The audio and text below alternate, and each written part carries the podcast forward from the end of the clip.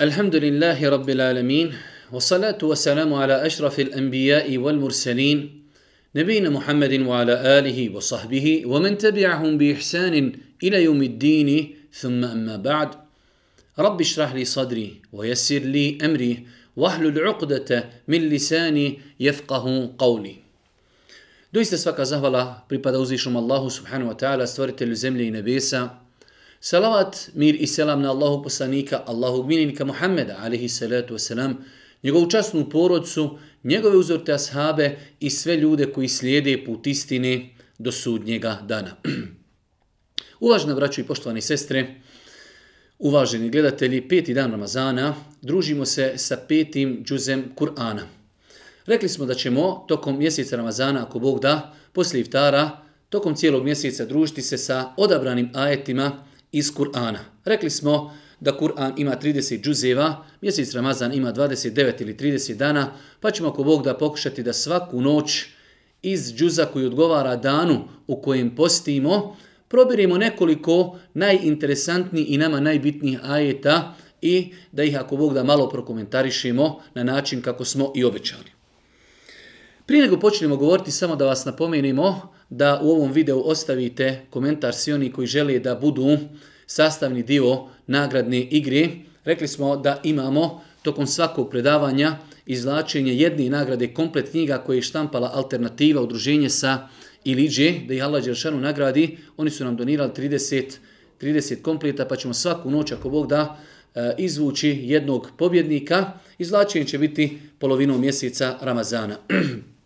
Rekli smo da se ovaj kviz prvenstveno odnosi na ljude koji su unutar Bosne, a ako bi eventualno neko dobio nagradu izvan Bosne, onda e, treba da nađe nekoga u Bosni ko će preuzeti za njega njegove knjige, a ako to ne bude u stanju, onda će nagrada preći na drugu ili treću osobu koja je izučena sa istog predavanja. Vraćamo, dragi cijeni sestre, peto predavanje, peti dan Ramazana, družimo se i dalje sa surom En-Nisa. U 28. i 27. i 28. suru, e, sure En-Nisa kaže uzvišeni Allah Wallahu yuridu an yatuba alaykum wa yuridu alladhina yattabi'una ash-shahawati an tamilu maylan 'azima yuridu Allahu an yukhaffifa 'ankum wa khuliqa al-insanu da'ifa Allah želi da vam oprosti a oni koji se za strastima svojim povode želi da daleko s pravog puta skrenite. Allah želi da vam olakša, a čovjek je stvoren kao nejako biće. Ovaj ajet, braćo moja draga i cijeni sestre, nosi u sebi nekoliko koristi e, o kojima bi trebali da razmišljamo. Kaže uzvišeni Allah, Wallahu yuridu an yatuba alaikum. Allah želi da vam oprosti. Uzvišeni Allah subhanahu wa ta'ala želi svojim robovima dobro. Želi im hajr. Želi da se pokaju. Želi da se vrati pa da ih uzvišeni Allah subhanahu wa ta'ala obaspi svojim oprostom i da ih uvede u džennet, džennet koji je pripremio za svoje pokorne i bogobojazne robove. Pa kaže uzvišeni Allah upozoravajući, naglašavajući, odgajajući nas, da budemo svjesni da nas uzvišeni Allah voli, da želi nama ono što je dobro. Wallahu yuridu an yatuba alaikum. Allah želi da vam, da vam primi pokajanje i uzvišeni Allah želi da vam oprosti. Pa braću moja draga i sestre, mjesec Ramazan je velika prilika da se pokajemo uzvišom Allahu subhanahu wa ta'ala iskrenim i potpunim pokajanjem. Kažu islamski učenjaci da bi nečije pokajanje bilo potpuno, treba da odmah ostavi grijeh, da odluči čvrsto da se više neće vratiti tom grijehu i da se pokaje za ono što je činio. Ako insan ispuni ove uvjete, duboko se, duboko se, nadamo da će njegovo pokajanje biti potpuno i primljeno kod uzvišnog Allaha. Pa kaže uzvišeni Allah, a oni koji se za strastima svojima povode, žele daleko da s pravog puta skrenete. Ovo je bitno, Allahu ekber. Oni koji strasti svoje slijede, žele da vas daleko, daleko u dolalet i zabludu odvedu, kaže uzvišeni Allah, وَيُرِيدُ الَّذِينَ يَتَّبِيُونَ شَهَوَاتِ أَن تَمِيلُوا مَيْلًا عَظِيمًا Oni koji slijede svoje strasti, žele da budete u dalaletu. Pogledajte danas filmove, serije, pjevači, muzika, šta oni žele od insana? Žele li oni da bude čovjek moralan? Žele li da bude u džamiji? Žele li od žena da nose mahramu? Žele li svjetski mediji od žene da bude čedna, da bude majka, da bude pokrivena, da bude moralna? Ili žele od nje da reklamira proizvode, da se skine, da bude nemoralna, da radi u javnoj kući i tako dalje. Allahu ekber. Kako nam uzvišeni Allah jasno pojašnjava? وَيُرِيدُ الَّذِينَ يَتَّبِعُونَ الشَّهَوَاتِ Žele oni koji slijede strasti svoje. Allahu ekber. Kako ih uzvišeni Allah opisuje? Slijede strasti. Danas ljudi koji ne vjeruju u Boga, koji ne vjeruju u sudnji dan, toliko slijede svoje strasti da su u datom momentu otišli dalje, spustili se na niži nivo nego stoka, nego hajvani. Pogledajte samo insan koji razuma ima koliko je otišao u pogledu nemorala. Pogledajte ljudi, snimaju erotske filmove da tu može gledati cijela planeta preko, preko satelitskih kanala. Može li dalje? Žene radi, posao oficijelni ženi radi kao prostitutka u javnoj kući. Dokle su ljudi otišli?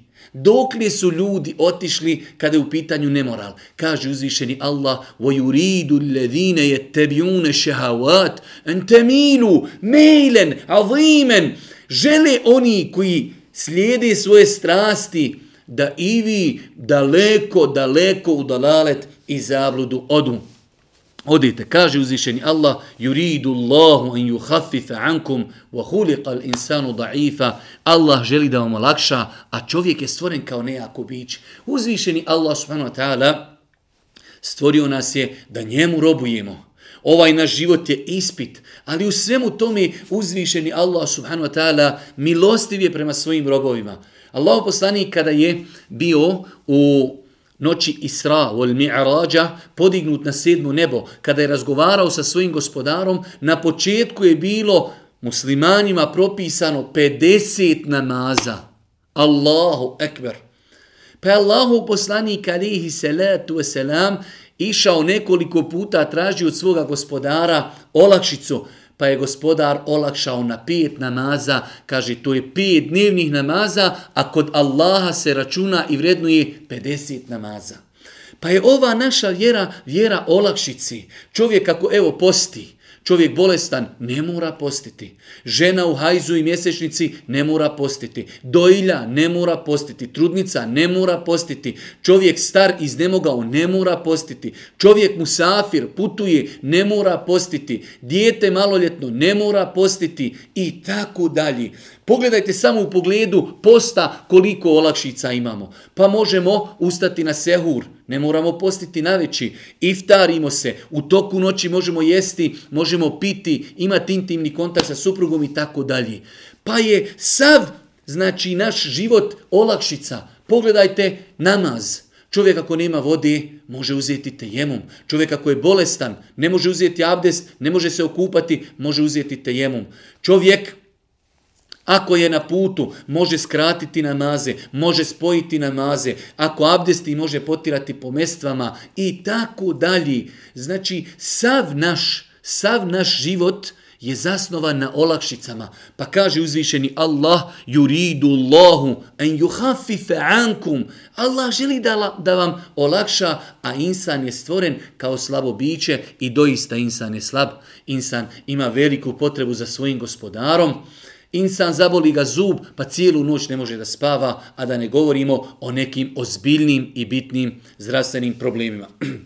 Kaže se u 32. ajetu, 31. 32. ajetu u suri An-Nisa in tajtanibu kaba'ira ma tunhauna an nukaffir ankum sayiatikum wa nudkhilkum mudkhalan karima A ako se budete klonili velikih grijeha, oni koji su vam zabranjeni, mi ćemo preko prijeći preko manjih ispada vaših i uvešćemo vas u divno mjesto. U islamu, braću, madragi, ciljni sestre, imamo dvije vrste griha. Imamo veliki grijesi i imamo mali grijesi. Islamski učenjaci su navodili dosta definicija u pogledu toga šta je to veliki grijeh, a šta je mali grijeh, Pa su došli na kraju do zaključka da je veliki grijeh svaki grijeh kojim se prijeti kaznom na ahiretu. Ili mu se prijeti na dunjaluku određenom šerijatskom sankcijom. Ili je za taj grijeh izrečeno prokletstvo. Pa ako vidite da određen grijeh kaže Allah je prokleo nekoga, poslanik je prokleo nekoga, ili onaj ko uradi to i to, njega čeka džehennem, ili e, znači ako uradi to i to, sankcioniše se na dunjalu ku određenom kaznom, sve su to stvari koje ukazuju da određena stvar je veliki grijeh. Ako je određena stvar spomenuta samo kao zabranjena, ali nije spomenuto za nju ni prokletstvo, niti je spomenuta kazna, onda se to smatra mali grijeh. Pa u islamu znači imamo velike grijehe, imamo mali grijehe.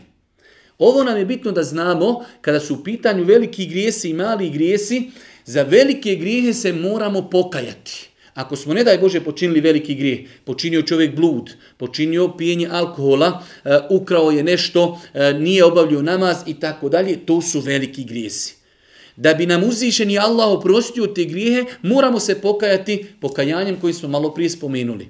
Kada su u pitanju mali grijesi, oni nam mogu biti oprošteni činjenjem dobrih ibadita. Innel hasenati yudhibne sejiat. Doista, Dobra djela brišu loša djela. Pa dobra djela, ibadeti, dobra djela, brišu ove mali grijehe koje čovjek počini. Pa imamo čovjek koji posti dan Arefata, čovjek koji posti dan Ašure i tako dalje, koji isposti mjesec Ramazana, ko obavi hađ i mnoge druge ibadete, čovjek kada radi ibadet, pobriše mu određene male grijehe koje je počinio. Pa kaže uzvišeni Allah subhanahu wa ta'ala, nakon što smo napravili ovaj, eh, ajde da kažemo, uvod, da znamo da imaju u islamu veliki grijesi, mali grijesi, veliki grijesi da bi bili oprošteni, moramo se pokajati, mali grijesi mogu biti oprošteni činjenjem dobrih dijela, kaže uzvišeni Allah, in teđtenibu kebaira matunhe an, nukefir ankum se jatkum udhilkum udhalan kerima, ako se budete klonuli velikih grijeha, onih koji su vam zabranjeni. Mi ćemo prijeći preko manjih ispada vaših i uvešćemo vas u divno mjesto.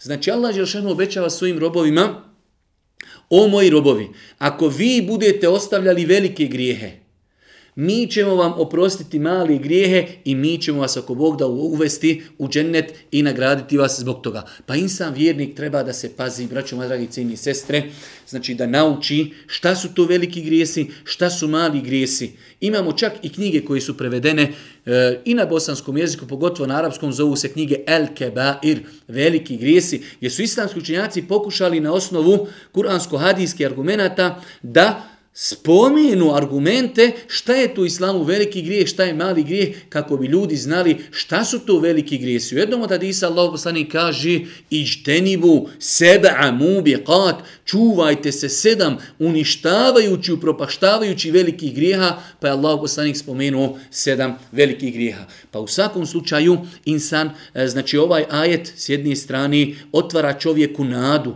Čuvaj se o Allahov robe velikih grijeha, A oni mali, sitni grije koje insan uradi, njih svako mora činiti. Nema insana da nema nekih malih propusta i grijeha, Allah Đelešanu će to oprostiti onome ko bude se čuvao veliki grijeha i bude radio ono što mu je naređeno u islamu.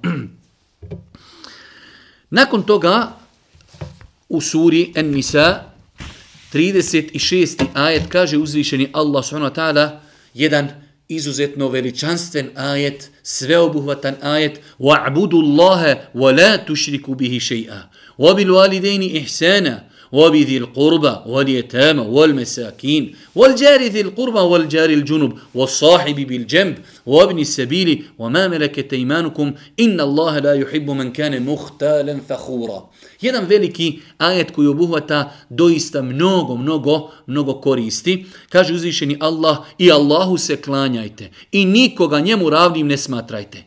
To je ona velika kuranska formula wa'budu Allah. Allahu robujte. وَمَا خَلَقْتُ الْجِنَّ وَالْإِنْسَ إِلَّا لِيَعْبُدُونَ Ljude i džine sam stvorio isključivo da mi robuju.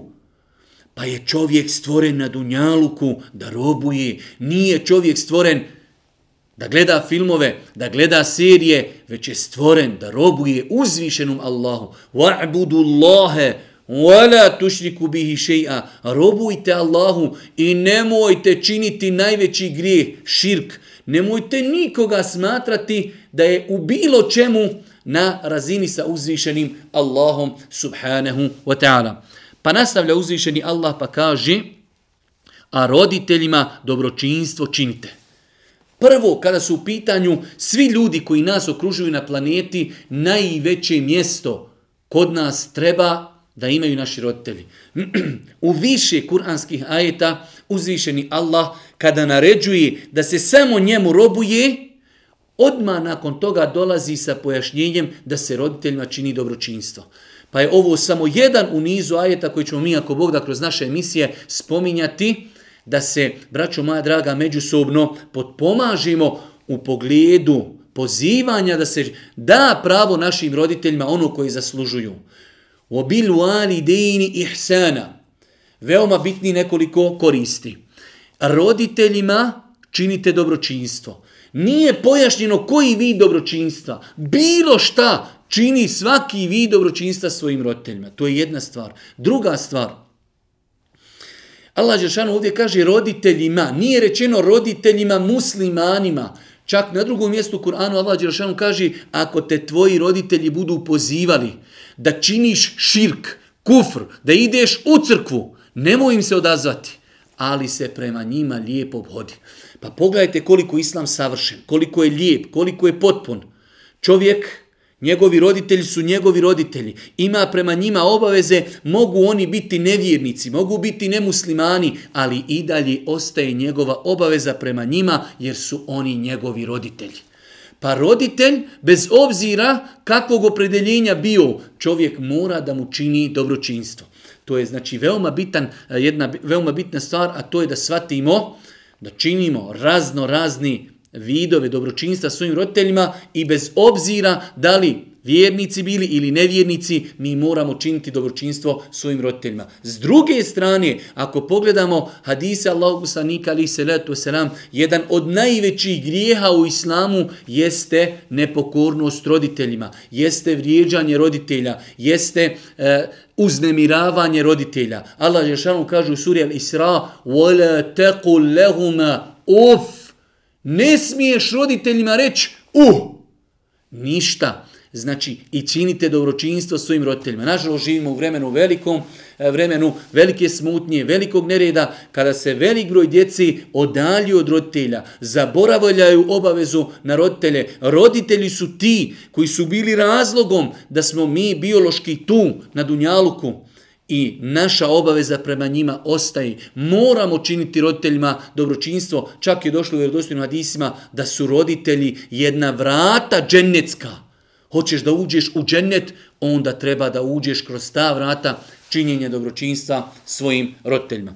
Pa nastavlja uzvišenje Allah i kaže, roditeljima dobročinstvo činite. I rođacima činite dobročinstvo. I sirođatim, i siročadima činite i siroćadima činite dobročinstvo. Kad se kaže siroćad, misli se na jetime. U islamu velike, velike i posebne nagrade se obećavaju onome ko brine i ko pazi o jetimima. Allah Bosani kaže, ja i onaj ko bude brinuo o jetimima, na sudnjem danu ćemo biti ovako. Pa je spojio ova dva prsta i pokazao tako blisko, tako blizu. Pa braćo, moja draga i cijenje sestre, kada čujete negdje da ima jetim, Pomozite to njegovoj majci i finansijski i pomozite da ga, da ga njegova majka podigne, da ga uzdigne i da ga odgoji. Pa je bitno, pogledajte kako islamsko društvo je potpuno i savršeno. Jetim nema oca. Samim tim dok nema oca, nema nekog žestokog nadzora, jer se djeca uvijek majku više voli, a otac je taj koji malo, hajde da kažemo, je strog i djeca se više boje svoga oca. Onog momenta kada dijete nima svoga oca, ono jednostavno je lahak plijen da ode u kriminal, da ode u nemoral, da ode u grijehe. Pa je nekada potrebno pomoći određenoj majci u odgoju njenog djeteta. Pa Islam preporučuje, kao što vidimo, da se čini dobročinstvo jetimima. Činite dobročinstvo rođacima i siročadi i siromašnima i komšijama bližnjim i komšijama daljnjim i drugovima svojim i putnicima, onima koji su putnici, namjernici i onima koji su u vašem posjedu. Allah zaista ne voli one koji se ohole i hvališu. Pogledajte koliko kategorija islam podstiče čovjeka da svi ljudi koji su u okruženju čovjekovom da im čini dobročinstvo i rekli smo i ove sve kategorije nigdje nije rečeno znači samo musliman, znači islam je širok. Imamo komšiju, nemuslimana, nama je obaveza da činimo dobročinstvo tom insanu i da ga ne uznemiravamo. Kao što nam je zabranjeno uznemiravati muslimana komšiju, tako nam je zabranjeno uznemiravati nemuslimana komšiju. To je islam. To je savršenstvo islama. Pa su kazali islamski učenjaci, komšija može imati tri stepena. Imamo komšiju koji ne musliman. Mi prema njemu moramo činiti dobročinstvo i ne smijemo ga uznemiravati. Imamo komšiju koji nam je komšija i musliman. Taj čovjek ima dva prava, što je komšija i što je brat musliman. Imamo komšiju koji ima tri prava, komšija, musliman i rođak. Ovo su znači najveća kategorija, ima pravo zato što je komšija, zato što je musliman i zato što nam je prijatelj i rođak. Pa pogledajte ovaj ajet kako je sveobuhvatan, kako nam naređuje dobročinstvo i prema roditeljima, i prema rođacima, i prema etimima, i prema siromasima, i komšijama koji su i bližnji, i komšije koji su daljnji, i onim našim prijateljima i drugovima, i putnicima, namjernicima, i onima koji su našim posjedom, posjedu, misli se znači na robove. Allah zaista ne voli one koji se ohole i hvališu. U 40. majetu sura An-Nisa kaže uzvišeni Allah Inna Allahe la javlimu mithqala dharra wa in teku hasene yudha'ifha wa yu'ti min ladunhu ajran 'azima Allah neće nikome ni trunku nepravdu učiniti. Dobro djelo on će umnogostručiti i još od sebe nagradu veliku dati. Rekli smo mi da Kur'an jednostavno iz ajeta u ajet, iz sure u suru tretira razno razna pitanja. Pa smo vidjeli sada kako a, a, ajet kojeg smo prijethodno citirali govori o dobročinstvu prema ljudima. Nakon toga Allah prelazi na jednu drugu temu pa kaže Allah nikome neće ni trunku nepravdi učiniti. Allah Đelešanhu je apsolutno pravedan. Iz njegove pravde i milosti je da grijehe jedan, jedan. Uradiš jedan grijeh, jedan se piši. A dobročinstvo, dobra dijela i badeti, jedno dijelo deset. Do sedamstotina puta, a Allah daje kome hoće i više od sedamstotina puta. Pa je ova vjera, vjera savršenstva, vjera milosti, vjera potpunosti. Allah Đelešanu nikome ni trun, ni trun nepravde neće učiniti a za dobročinstvo će nagraditi više od onoga što je insan uradio. Zato je Ibn Mes'ud govorio teško onome čije jedinice nadvladaju desetice. Imaš grijehe koji se pišu jedan po jedan, jedan po jedan, jedan po jedan. Imaš dobra dijela, pišu se deset po deset, deset po deset. Teško kaže onome koji ima ne toliko jedinica da one prevladaju desetice. Pa je ovaj ajet jedan veličanstven ajet koji nam pojašnjava kako uzvišeni Allah subhanahu wa ta'ala je čist i daleko od toga da nekome napravi nepravdu.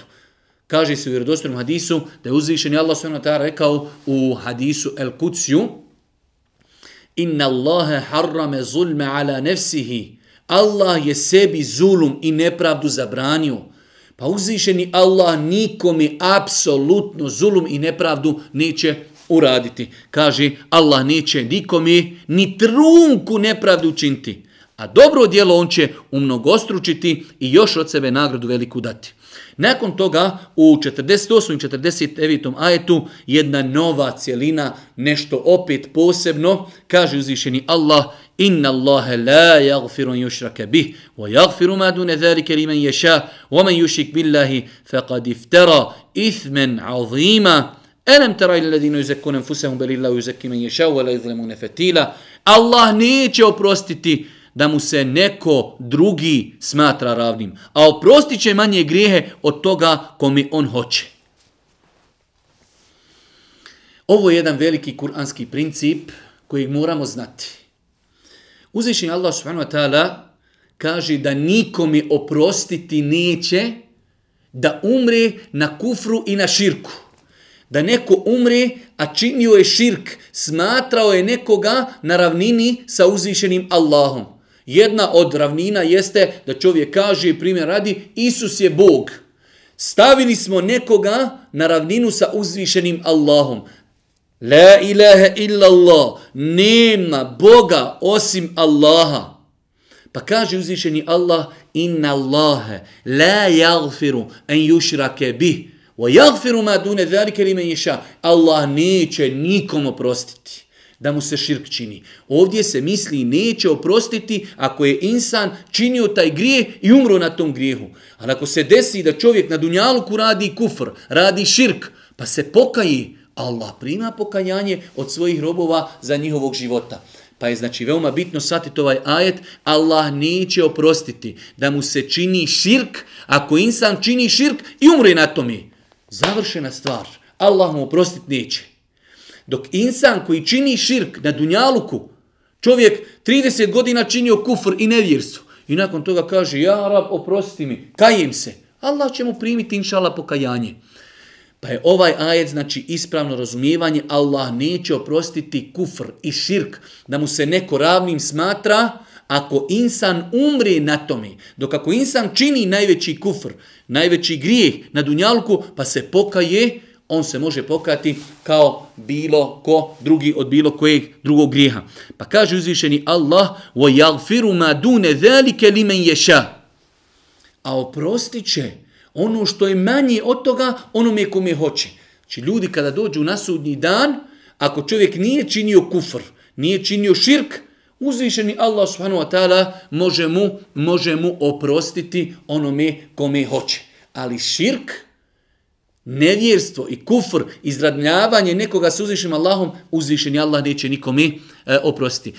To nas, braćo, moja draga i cijene sestre, sve vodi u pravcu da moramo čitati knjige akide, vjerovanja, dogmi, moramo to naučiti, moramo, islamski učenjaci su pisali zasebne knjige o širku, veliki širk, mali širk, razlika između velikog širka i malog širka, opasnost velikog širka, opasnost malog širka, dijela koja izvode izvjere i tako dalje. Moramo, jer je u pitanju opasna tema. Allah neće oprostiti da mu se čini širk. Ako insan umri sa tim, Allah mu to neće oprostiti.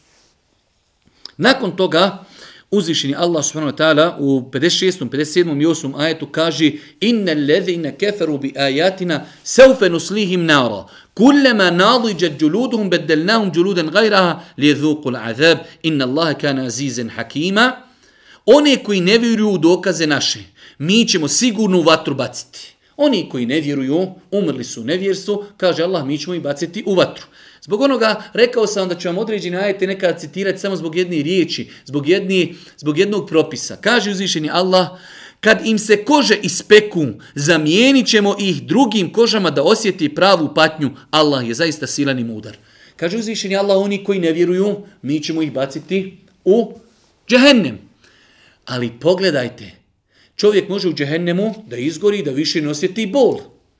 Kaže Allah, kada im jedne kože izgori, mi ćemo im dati nove kože da opet osjete bol i patnju. Savremena nauka otkriva šta? Da se čulo bola nalozi u koži. Vidjeli ste kad čovjek dobiva inekciju. Kada ga zaboli? Kada ga bocni? Nakon toga ako dobiva inekciju stegno, kada ide inekcija kroz stegno, zabada se, ona više ništa ne boli. Kada boli? Kada, kada samo dodirni kožu. U koži su čula za bol. Allah Đelešanu prije 1600 godina objavljuje poslaniku kada im izgori kože. Ida nadiđa džuluduhum bedelnahum džuluden gajraha li je dhuku azab. Kada im jedne kože izgori, mi ćemo im dati nove kože da bi još više patnju iskusili. Subhanallahil azim. S jedne strane ovo je e, znači e, naučno otkriće, s druge strane ovo je zastrašenje. Oni koji budu u džehennemu, kada im izgori kože koje su mogle znači da reaguju na bol, Allah će im dati druge kože da bi osjetili patnju. Neko će kazati, pa gdje je Allahova milost? Da, Allah nam je Đelešanu dao na dunjalku razum. Dao nam je slobodu izbora. O Allahov robe, evo ti Kur'an, evo ti poslanik. Uči, čitaj, vjeruj, postupaj kako ti je. Ne želim ja rab, hoću u birtiju, neću da klanjam, neću da vjerujem, hoću da... E, u redu. Kada dođemo na, na sudnji dan, kada dođemo u džehennem, e sada ćemo tako kažnjavati. Jer si u Allahov robe, Allah te je počastio razumom. Dao ti jasne dokaze u kosmosu, u poslanicima, u objavi. Nisi vjerao, nisi, nisi vjerovao, nisi bio pokoran. E sad ćemo ti dati da kada ti izgori jedna koža, neka ti dođe nova koža da bi patnju iskusio. Pa subhanallahi azim, kako je uzvišeni Allah pravedan. Vidjeli smo ono prije, Allah nikome ni trunku nepravdi učiniti neće. O Allahu robe, bio si na Dunjaluku. Danas nemate kući, danas nema mogućnost, neko kaže ja ne znam. Ukucate na internet, Kur'an, sunnet, dokazi, predavanja, knjige, sve živo je dostupno. Pa veoma je teško da neko može kazati ja nisam znao. Sve je dostupno. Allah ti dao razum.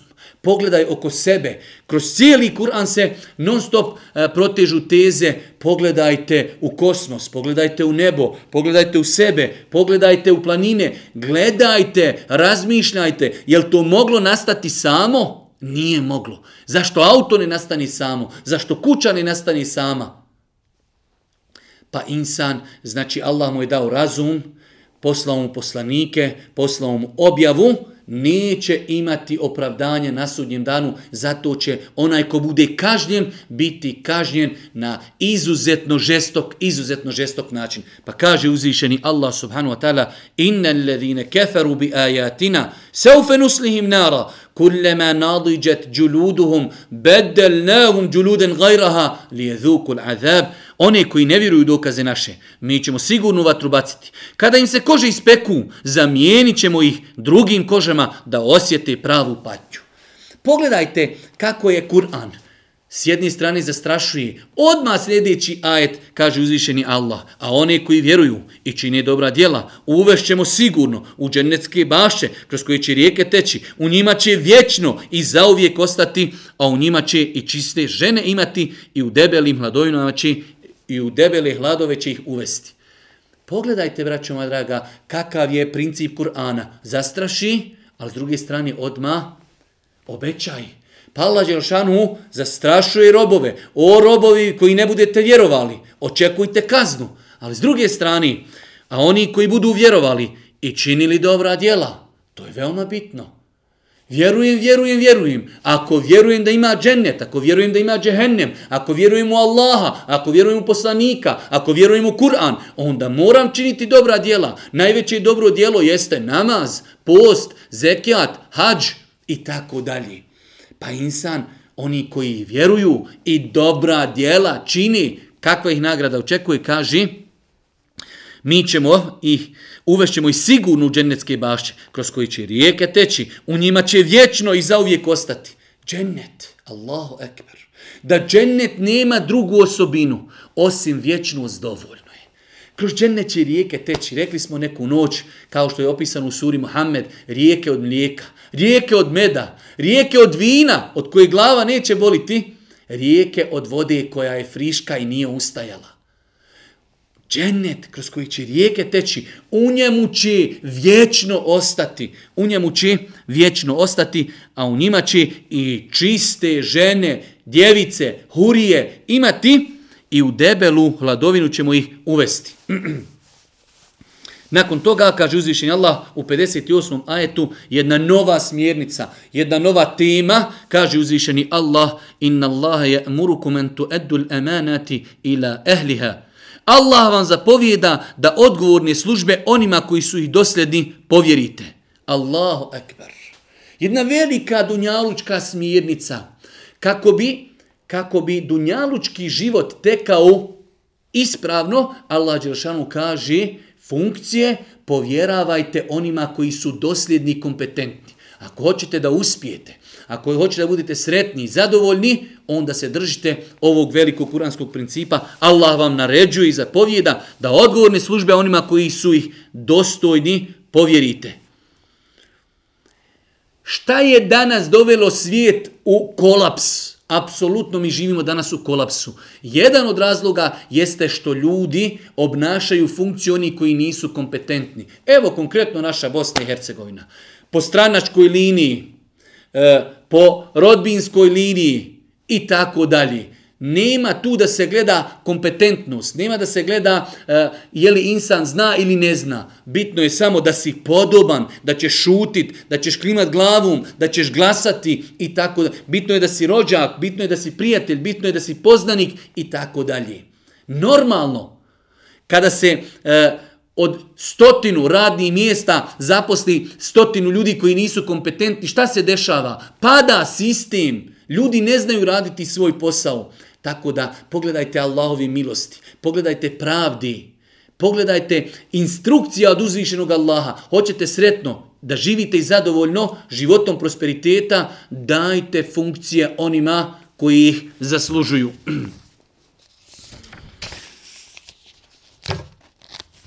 Kaže uzvišenje Allah u 79. ajetu Ma asabeke min hasenetin fe min Allah wa ma asabeke min sejietin fe min nefsik wa arselnake lin nasi rasula wa kefa billahi šehida Sreća i dobro koje ti se dogodi od Allaha je, a nesreću koja te zadesi sam si zaslužio.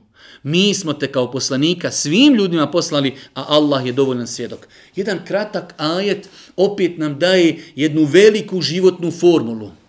Ono što te zadesi dobro, od dobra, zadesilo te Allahovu milošću, ono što te zadesi od zla, zadesilo te jer si zaslužio i zaradio. Pa insana kad zadesi kakav musibet, prva stvar, prva stvar, mi uvijek krenemo, ha, ja rab zašto mene? E, evo zašto tebe. Sjedi između sebe i Allaha. Kakav je tvoj odnos prema gospodaru? Klanjaš li redovno? Postiš li redovno? Ideš li u kladionice? Slušaš li muziku? Piješ li alkohol? Kradeš li? Varaš li? Daješ li kamatu? Daješ li mito? I tako dalje. Mi pri sebi imamo stotine griha. I zadesi nas neki musibet i mi podignemo ruke. Ja, rab, što mene? Zašto mene? Ama zasluga. Braćo moja draga, naučimo ovo životno veliko pravilo. Kaže uzvišeni Allah, ma asabeke min hasenetin, fe min Allah, dobro i sreća koja te zadesi, to ti od Allaha, Allahova milost prema tebi. Wa ma مِنْ min فَمِنْ نَفْسِكَ ono zlo koje te zadesi i iskušenje i nedaća, zbog onoga što si ti zaradio i zaslužio kaže uzvišeni Allah subhanahu wa ta'ala, mi smo te, o Muhammede, kao poslanika svim ljudima poslali, a Allah je dovoljan svjedok. Više puta smo o tome govorili, neispravno je ubjeđenje onih ljudi koji smatraju da je Allah poslanik poslan samo Arapima. Ne, Allahu poslanik je poslan cijelome svijetu.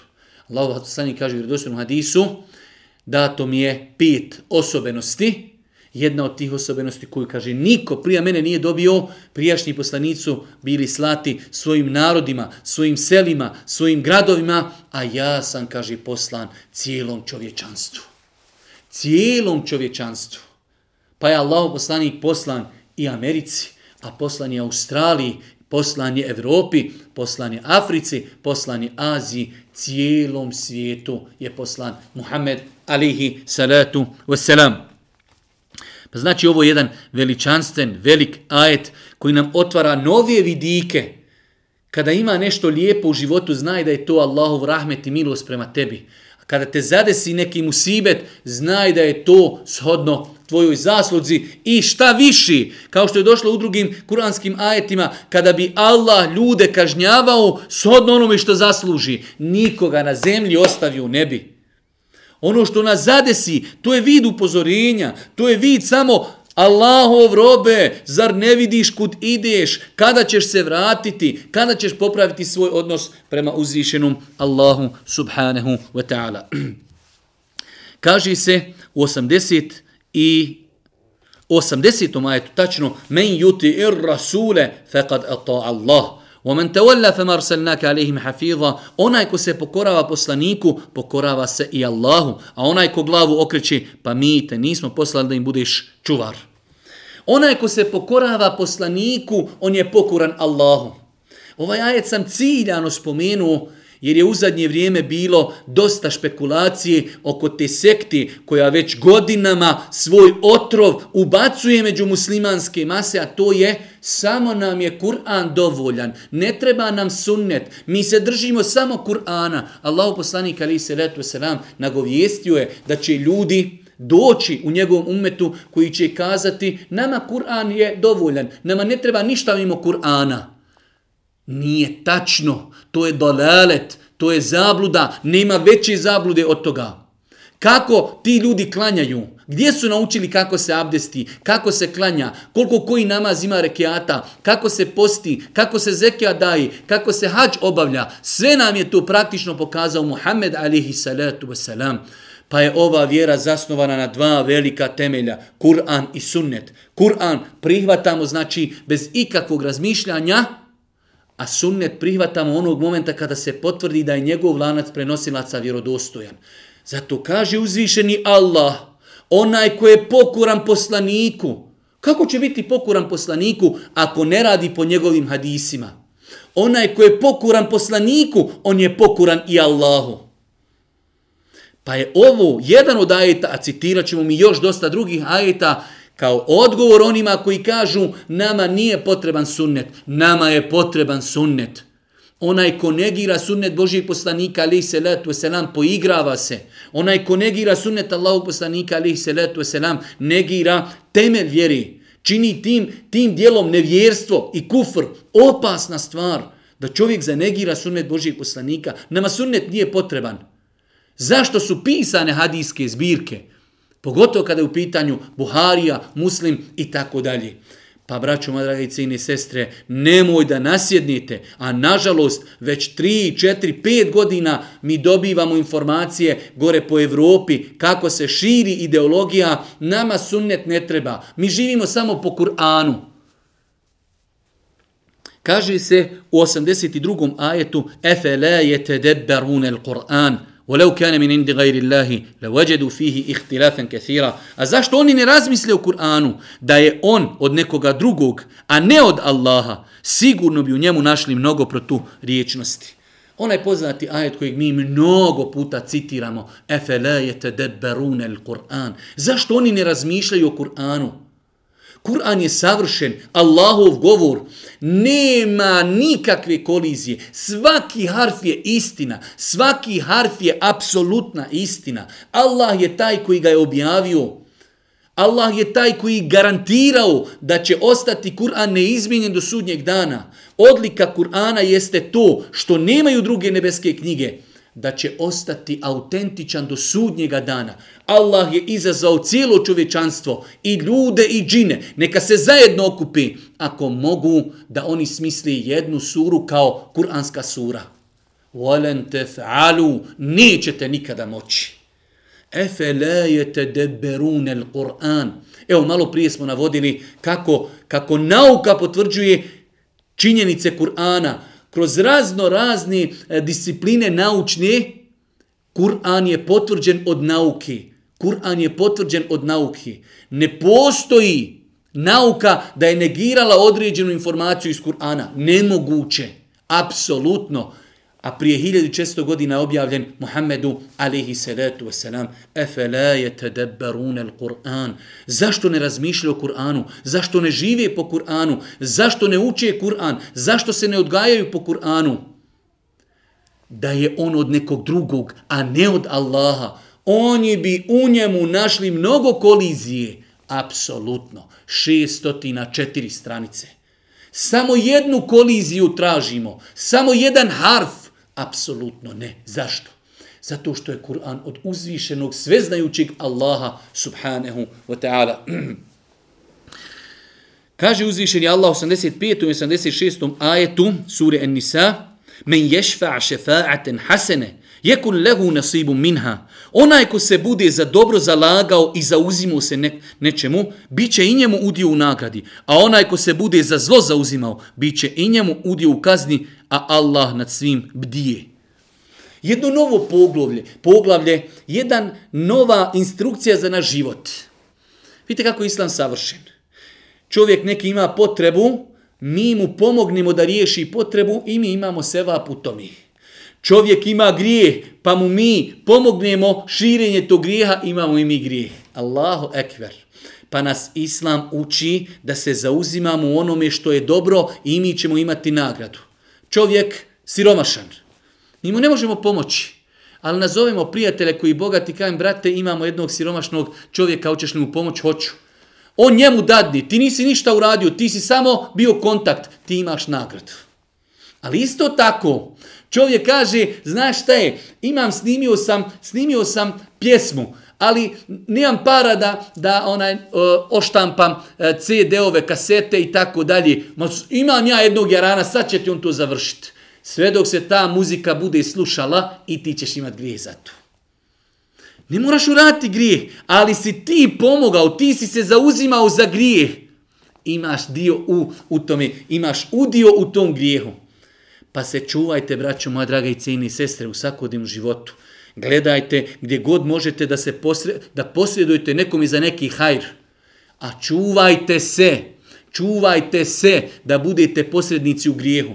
Jer Allah poslanik je postavio velike formule i pravila ko ukaže na dobro, imaće nagradu svih oni koji budu radili to dobro, da se ništa neće od njihovog dobra umanjiti. A ko ukaže na zlo i bude razlogom širenja zla, imaće istu, isti grijeh kao oni koji čine zlo, da se ništa od njihovih grijeha neće umanjiti.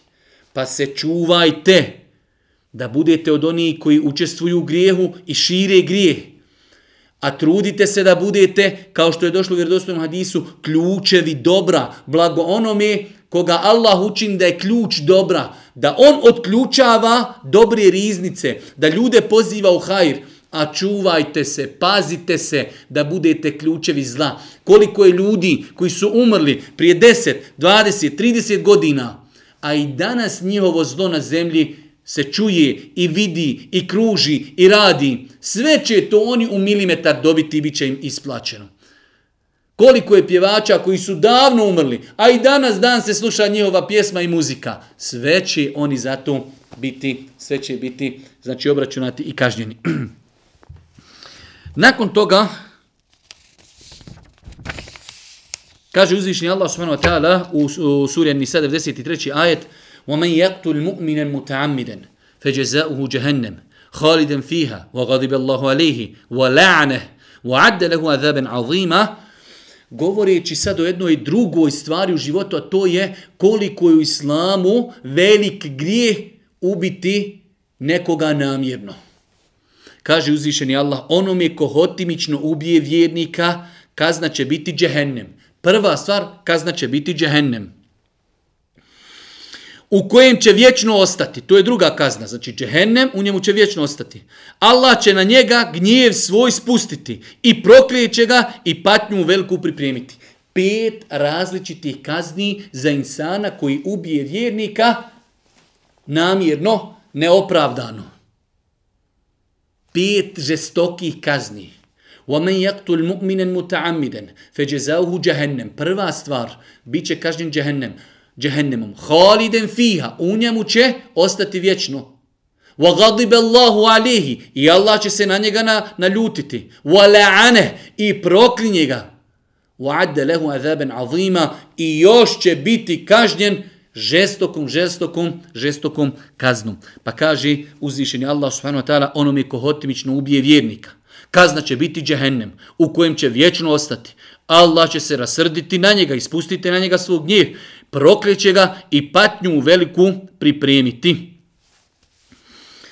Pa vraću, moje dragi cini sestre, bez obzira, daleko smo mi svi od toga, ali insan treba da se čuva. Treba da se čuva da ne daj Bože na bilo koji način, direktno ili indirektno, pomogne i učestvuje u tome da se ne daj Bože neči život, da se ne daj Bože neči život ugasi. U 103. Eh, ajetu sure An-Nisa kaže uzvišeni Allah subhanahu wa ta'ala fa idha qadaytum as-salata fadhkurullaha qiyama wa qu'uda wa 'ala junubikum fa idha tma'nantum faqimu as-salata inna as-salata kanat Allah Žešanu suri Nisa pojašnjava kako se klanja namaz u strahu. Znači mi muslimani inače obavljamo namaz, a jedna vrsta posebna namaza jeste namaz u strahu, u ratu. Znači, imaju razno razne verzije kako se klanja namaz u strahu. E, da sada ne tumačimo o tome, oni koji želi da o tome slušaju, neka otvore knjige Fikha, neka čitaju suru En-Nisa, neka čitaju tefsire. U svakom slučaju postoji posebni način i metode kako se klanja kada su e, ljudi u ratu i kada su u strahu. Kaže uzvišeni Allah, a kada namaz završite, taj namaz u strahu kada ga završite, spomnite Allaha i stojeći, sjedeći i ležeći. Znači, svojstveno je vjernicima da su uvijek u zikru Allahu. Uvijek su u veličanju Allaha i sjedeći, i ležeći, i stojeći. Uvijek oni spominju Allaha. Pa kaže, a u sigurnosti, kada ne budete više u ratu i ne budete klanjali namaz u strahu, obavljajte namaz u potpunosti. Jer vjernicima je propisano da u određeno vrijeme namaz obavljaju. Inna salate kanet ala almu'minina kitaban kitaben.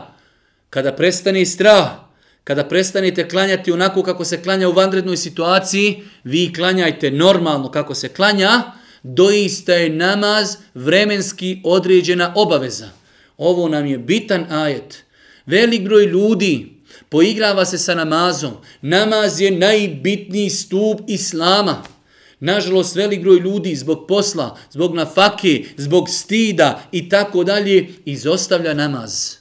Namaz se ne smije klanjati prije namaskog vremena i ne smije se propuštati da prođe namasko vremena da se nije klanjalo. Neispravno je veliko poigravanje velikog broja ljudi naklanjaću.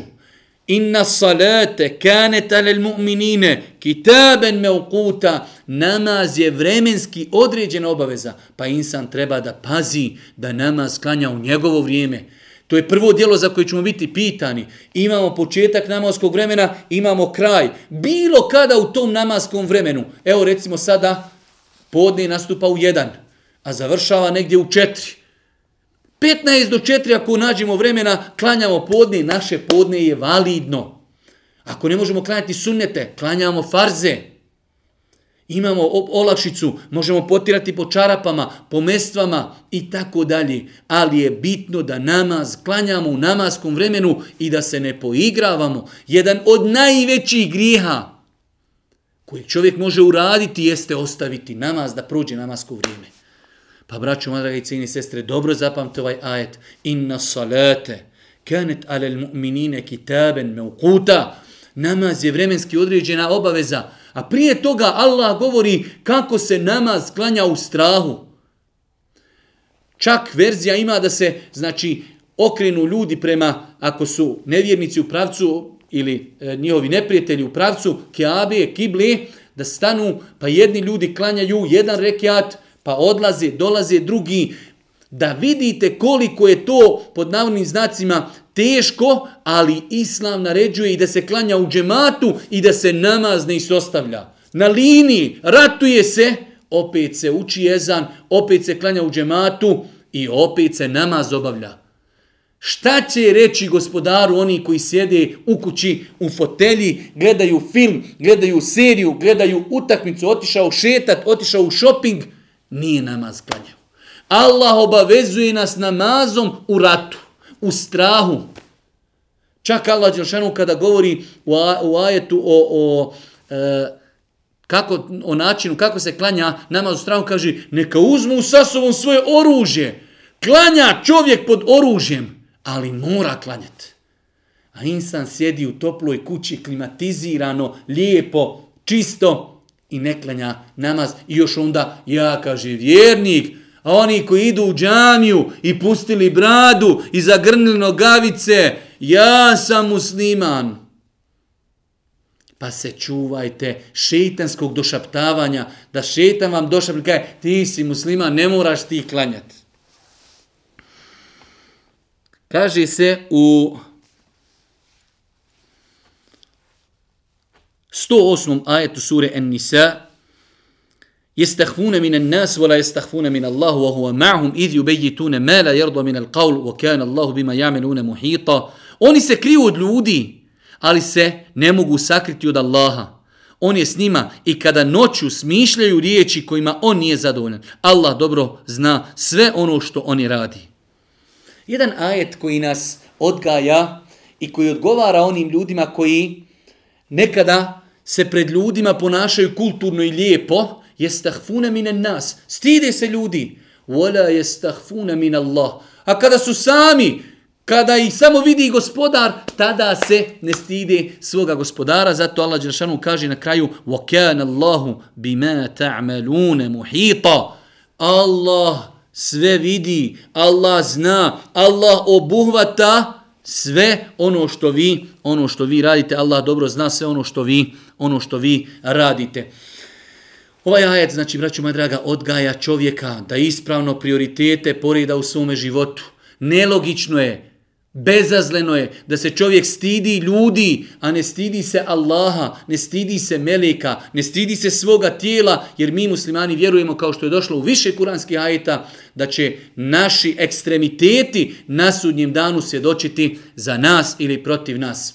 Braću, moja draga i cijene sestre, mi ćemo se ako Bog da ovdje e, zaustaviti. Još, još se družimo sa surom En Nisa. Molim uzvišnog Allah subhanahu wa ta'ala da nas učisti na putu istine. Molim ga subhanahu wa ta'ala da nam bude milostiv na sudnjem danu. Molim ga subhanahu wa ta'ala da nas poduči korisnom znanju. Molim ga subhanahu wa ta'ala da nam ukabuli ibadete koje činimo u mjesecu Ramazanu. I na kraju, subhaneke, Allahumma da bihamdike, ešhedu en la ilaha ilan stakfiruke, ve etubu ilik. Oh